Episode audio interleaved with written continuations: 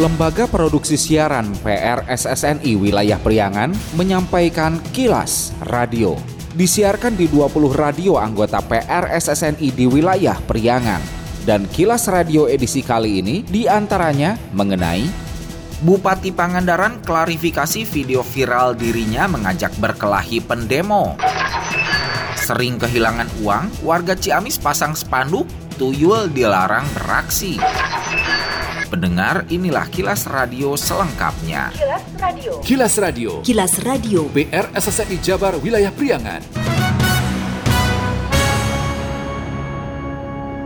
Bupati Pangandaran JJ Wiradinata mengklarifikasi video viral di media sosial terkait dirinya berdebat dan mengajak berkelahi dengan pendemo saat terjadi kericuhan kelompok massa yang demo di depan gedung DPRD Kabupaten Pangandaran pekan lalu. JJ mengatakan ia bermaksud menemui masa aksi untuk menyerap dan mendengar keluhannya, namun dirinya malah mendapatkan perlakuan dan ucapan yang tidak enak dan tidak sopan. Menurutnya, ia hanya manusia biasa. Jika dimaki-maki dengan kata kotor bisa terpancing emosi apalagi apalagi ada yang teriak ngajak berantem. Apalagi video itu tidak utuh, malah tidak sesuai dengan fakta yang sebenarnya. JJ menegaskan tak mungkin dirinya mengajak berkelahi dengan rakyatnya sendiri.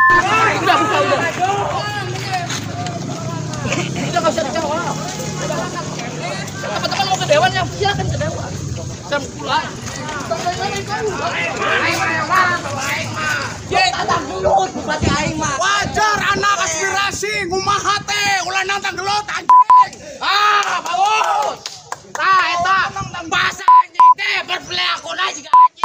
Bupati juga meminta masyarakat Pangandaran ke depan dalam menyampaikan aspirasi itu harus dengan cara yang santun bisa duduk bersama. Seperti diketahui, video kericuhan antara Bupati Pangandaran dan pendemo itu muncul di berbagai media sosial usai aksi demo Rabu 29 November 2023 di depan gedung DPRD Pangandaran. Kericuhan mulai terjadi saat masa aksi memaksa masuk dengan mendobrak pintu gerbang kantor DPRD Pangandaran yang dijaga pihak aparat kepolisian. Kericuhan tak terelakkan bahkan polisi terpaksa menembakkan gas air mata. Saat itu, Pemkap dan anggota DPRD Pangandaran tengah melakukan sidang paripurna. Aksi demo menolak rencana pinjaman 350 miliar rupiah yang akan dilakukan pihak pemerintah Kabupaten Pangandaran. Usai menghadiri paripurna, JJ bermaksud menemui para pendemo untuk mendengar aspirasi massa, namun saat akan menemui justru malah terjadi perdebatan antara bupati dan masa aksi dan videonya viral di media sosial.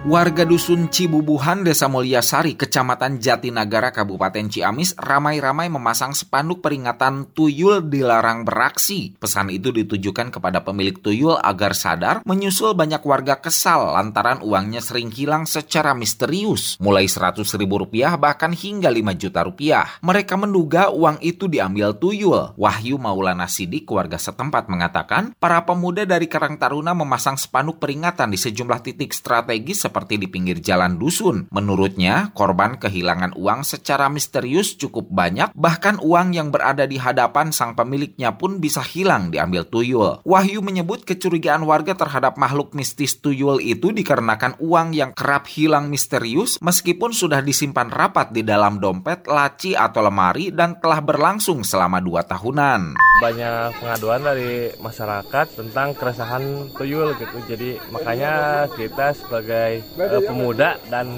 Karang Taruna dan membantu masyarakat supaya pelakunya bisa cerak gitu. Yang hilangnya ada yang satu juta, ada yang dua juta. Kepala Desa Mulyasari, Didin, membenarkan adanya kejadian itu karena seringnya uang warga yang hilang secara misterius, pihaknya menghimbau kepada warga agar menyimpan uang di bank karena lebih aman. Udah mendengar, tapi itu belum tentu betul apa tuyul, apa gimana menghimbau ke masyarakat hati-hati. Kalau punya uang jangan ditunda di rumah, tunda aja di bank.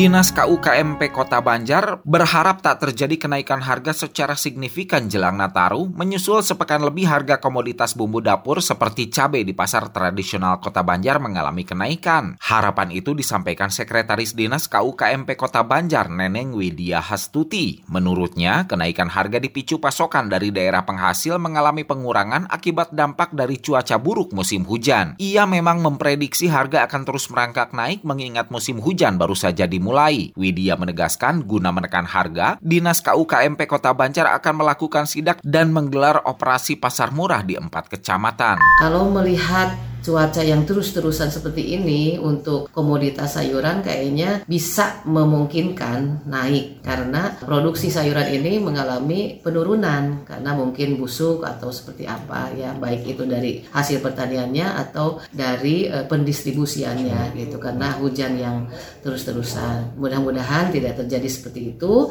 Kita mencari upaya supaya harga tetap bisa baik ya untuk dibeli oleh para konsumen masyarakat. Sebelumnya, reporter Lis R melaporkan selain komoditas cabai, kenaikan harga secara drastis kisaran 50% juga terjadi pada komoditas sayur seperti wortel, kubis, buncis, dan tomat. Di Pasar Banjar, harga eceran cabai merah Tanjung biasanya kisaran Rp40.000, kini tembus Rp100.000 per kilogramnya. Sementara di tingkat grosir sudah dijual kisaran Rp95.000 per kilogram. Kilas Radio. Kilas Radio. Kilas Radio. PR SSNI Jabar Wilayah Priangan. Naon si On? Nasi di jalan ada mau menu lobang menu eta gambar-gambar kok tengah narapol we jalan ya. Emang mana teu apal mun ayeuna teh geus mulai masuk musim pemilu. Kira-kira ya mana bakal milih saha On? Ah, orang mah jaga rek golput atuh. Soalnya bingung rek milih saha bimbang hate. Ye, mana mah kumaha sih lamun bingung teh ulah golput On. Ayeuna mah nya radio teh geus jadi sumber informasi yang pemilu anu kredibel On. Hah? Ya gitu? Saat ini, radio menjadi sumber informasi pemilu yang kredibel.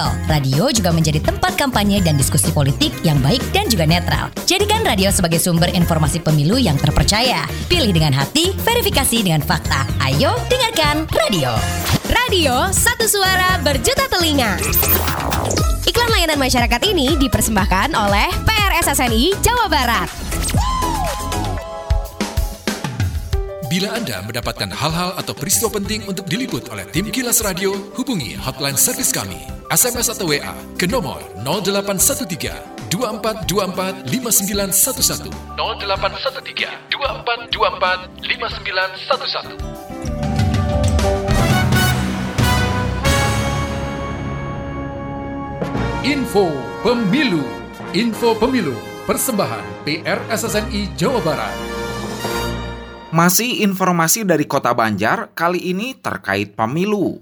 Panitia Pengawas Pemilihan Umum Panwaslu Kecamatan Langensari Kota Banjar memasang imbauan peringatan secara tertulis di tempat-tempat peribadatan, fasilitas pemerintah dan fasilitas pendidikan. Menurut Ketua Panwaslu Kecamatan Langensari Kota Banjar, Yudi Dwi Nugroho, imbauan berupa peringatan itu agar para caleg dan tim pemenangan presiden tidak melakukan kampanye di tempat-tempat yang dilarang sesuai aturan. Yudi menyebut hingga Rabu 6 Desember tidak ada temuan pelanggaran baik pelanggaran administrasi maupun tindak pidana pemilu. Kendati begitu, pihaknya tetap membuka ruang pengaduan bagi masyarakat yang menemukan pelanggaran terkait masa kampanye pemilu. Ia juga menghimbau kepada seluruh ASN, penyelenggara pemilu, TNI Polri, pegawai BUMN, kepala desa dan perangkat desa serta BPD supaya menjunjung tinggi netralitas saat kontestasi pemilu 2024. Kita memberikan himbauan kepada masyarakat melalui masjid karena masjid tidak diperbolehkan untuk digunakan untuk berkampanye. Selain tempat ibadah? Fasilitas milik pemerintah nggak boleh. Kemudian fasilitas untuk pendidikan tidak boleh. Bila ada yang melanggar apa yang dilakukan oleh? Nah, kalau bila ada yang melanggar maka harus dilakukan pencegahan dahulu untuk ditertibkan, dicopot. Tapi kalau masih tetap maka dilakukan penindakan. Sejauh ini ada ada yang sudah melanggar? Sejauh ini belum. Hanya kami harus melakukan tindakan pencegahan.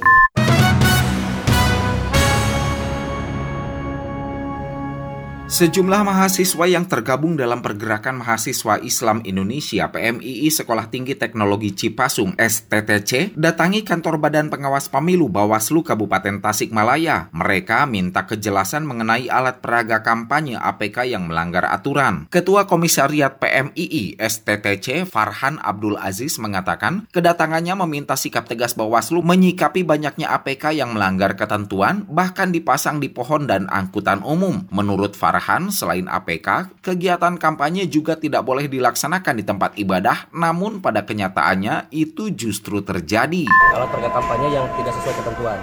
Yang pertama ada yang di pohon, bahkan kan dalam peraturan KPU nomor nomor 15 tahun 2023 itu tidak boleh. Di tanaman tidak boleh, di pasal 70, pasal 71, di pasal 72 itu jelas. Bahkan ruang apa eh, tempat kampanye pun tidak boleh di tempat pendidikan, di tempat ibadah, karena kemarin telah terjadi hal seperti itu dan kami tidak ingin untuk selanjutnya ini terjadi kembali. Kami ingin menegaskan bahwa Bawaslu bersama pemerintah daerah untuk segera menertibkan alat perga kampanye agar sesuai ketentuan seperti itu, seperti di angkot dan di pohon dan semacamnya. Ketua Badan Pengawas Pemilu Bawaslu Kabupaten Tasikmalaya Dodi Juanda mengapresiasi kedatangan mahasiswa dari PMII karena berkaitan dengan perhatian terhadap penyelenggaraan pemilu. Menurutnya, kedatangan mahasiswa menjadi motivasi pihaknya untuk terus bekerja dan bekerja sesuai dengan aturan yang ada. Kita mengapresiasi ya teman-teman PMII STT, mereka menyikapi berbagai hal terkait dengan banyaknya alat-alat peraga yang melanggar yang terjadi di kendaraan umum, di pohon. Padahal kita juga sudah menertibkan hal itu, ternyata muncul-muncul lagi dan juga kami mengimbau para peserta pemilu untuk taat-taat pada aturan.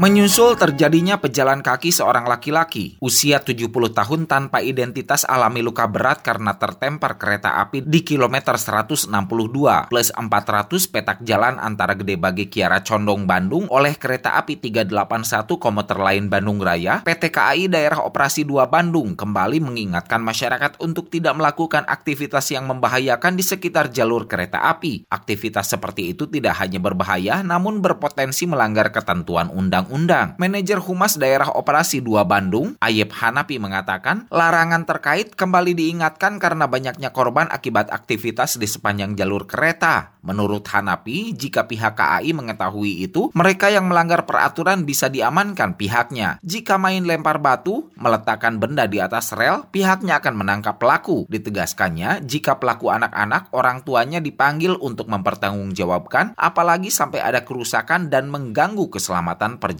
kereta api. Meminta warga tidak melakukan aktivitas apa pun di jalur kereta api, termasuk berjalan kaki guna menghindari kecelakaan kereta api.